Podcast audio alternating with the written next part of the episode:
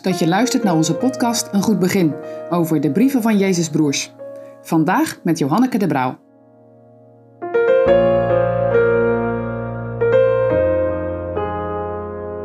Mensen zien. We lezen met elkaar Jacobus 2, vers 1 tot en met vers 4. Mijn broeders, heb niet het geloof van onze Heer Jezus Christus, de Heere der Heerlijkheid, met aanneming des persoons want zo in uw vergadering kwam een man met een gouden ring aan de vinger, in sierlijke kleding.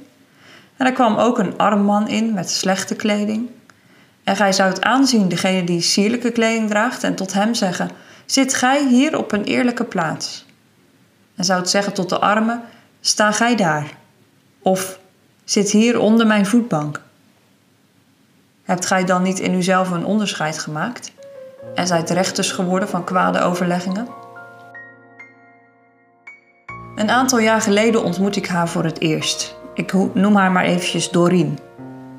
Ze woonde vlak bij de kerk, in een woongroep voor mensen met een verstandelijke beperking. En op een zonnige zondagmiddag liep ze de kerk in. Haar haar in een warrige knot, bontgekleurde kleren, lippen netjes rood gestift. Halverwege het gangpad bleef ze staan en keek om zich heen.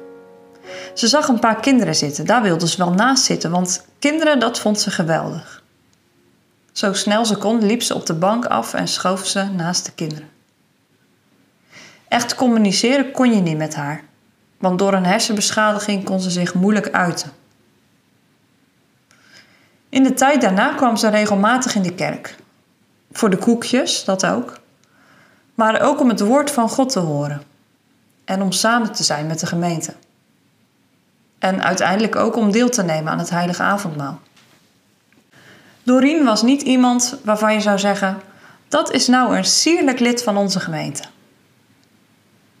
Nee, je zou eerder denken: wat kan deze vrouw nou bijdragen aan onze gemeente? Ze is niet iemand waar je misschien een beetje voor op zou schuiven om haar een plekje te geven in de bank. Nee, eerlijk is eerlijk. Als Doreen binnenkwam, had je eerder de neiging om wat breder te gaan zitten en je tas naast je neer te zetten. Deze bank is vol, hier is geen plek. Herken je het een beetje? Jacobus wil in zijn brief de gemeente van Christus een les meegeven. In de gemeente waren blijkbaar rijke en arme mensen. Mensen die heel veel te besteden hadden en mensen die het wat minder hadden. Eigenlijk is het net zoals bij jou en bij mij in de kerk. Want ook in onze gemeente zitten op zondag rijk en arm, chic en sober naast elkaar in de kerkbank. Herken jij het maken van onderscheid op basis van status en op basis van aanzien? Jacobus roept de gemeente op om geen onderscheid te maken tussen rijken en armen in de gemeente. Iemand met veel geld en mooie kleding moeten we niet met meer eer behandelen dan iemand die wat minder te besteden heeft en er eenvoudig uitziet. Want als we dat wel doen, dan zijn we rechters geworden van verkeerde overwegingen. Wat doet een rechter? Een rechter oordeelt of de wet al dan niet is nageleefd. Op basis van de wet spreekt hij een oordeel uit over de verdachte.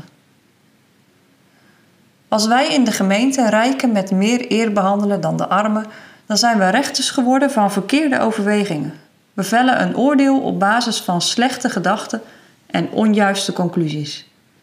En dat hoort niet bij een gelovige die de Jezus Christus beleidt. Voor gelovigen maakt het niet uit of je nu arm bent of rijk. Het is niet belangrijk wat je status is, of welke opleiding je doet, of welke plek je in de maatschappij hebt. Want je status of je opleiding of je inkomen, die bepalen niet wie je bent. Wie je bent, je identiteit, ligt als het goed is in Christus. Wie je ook bent of wat je ook hebt gepresteerd, als we voor de Heer Jezus staan, dan zijn we allemaal zondaren die leven dankzij genade. We kunnen ons nergens op beroemen, zegt Paulus in zijn brief aan de Romeinen. Alle roem gaat niet naar ons mensen, maar naar de Here die waardig is te ontvangen alle eer en glorie.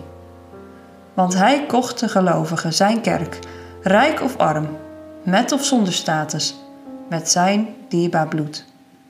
Waar ligt jouw identiteit? Mag jij weten het eigendom van Christus te zijn?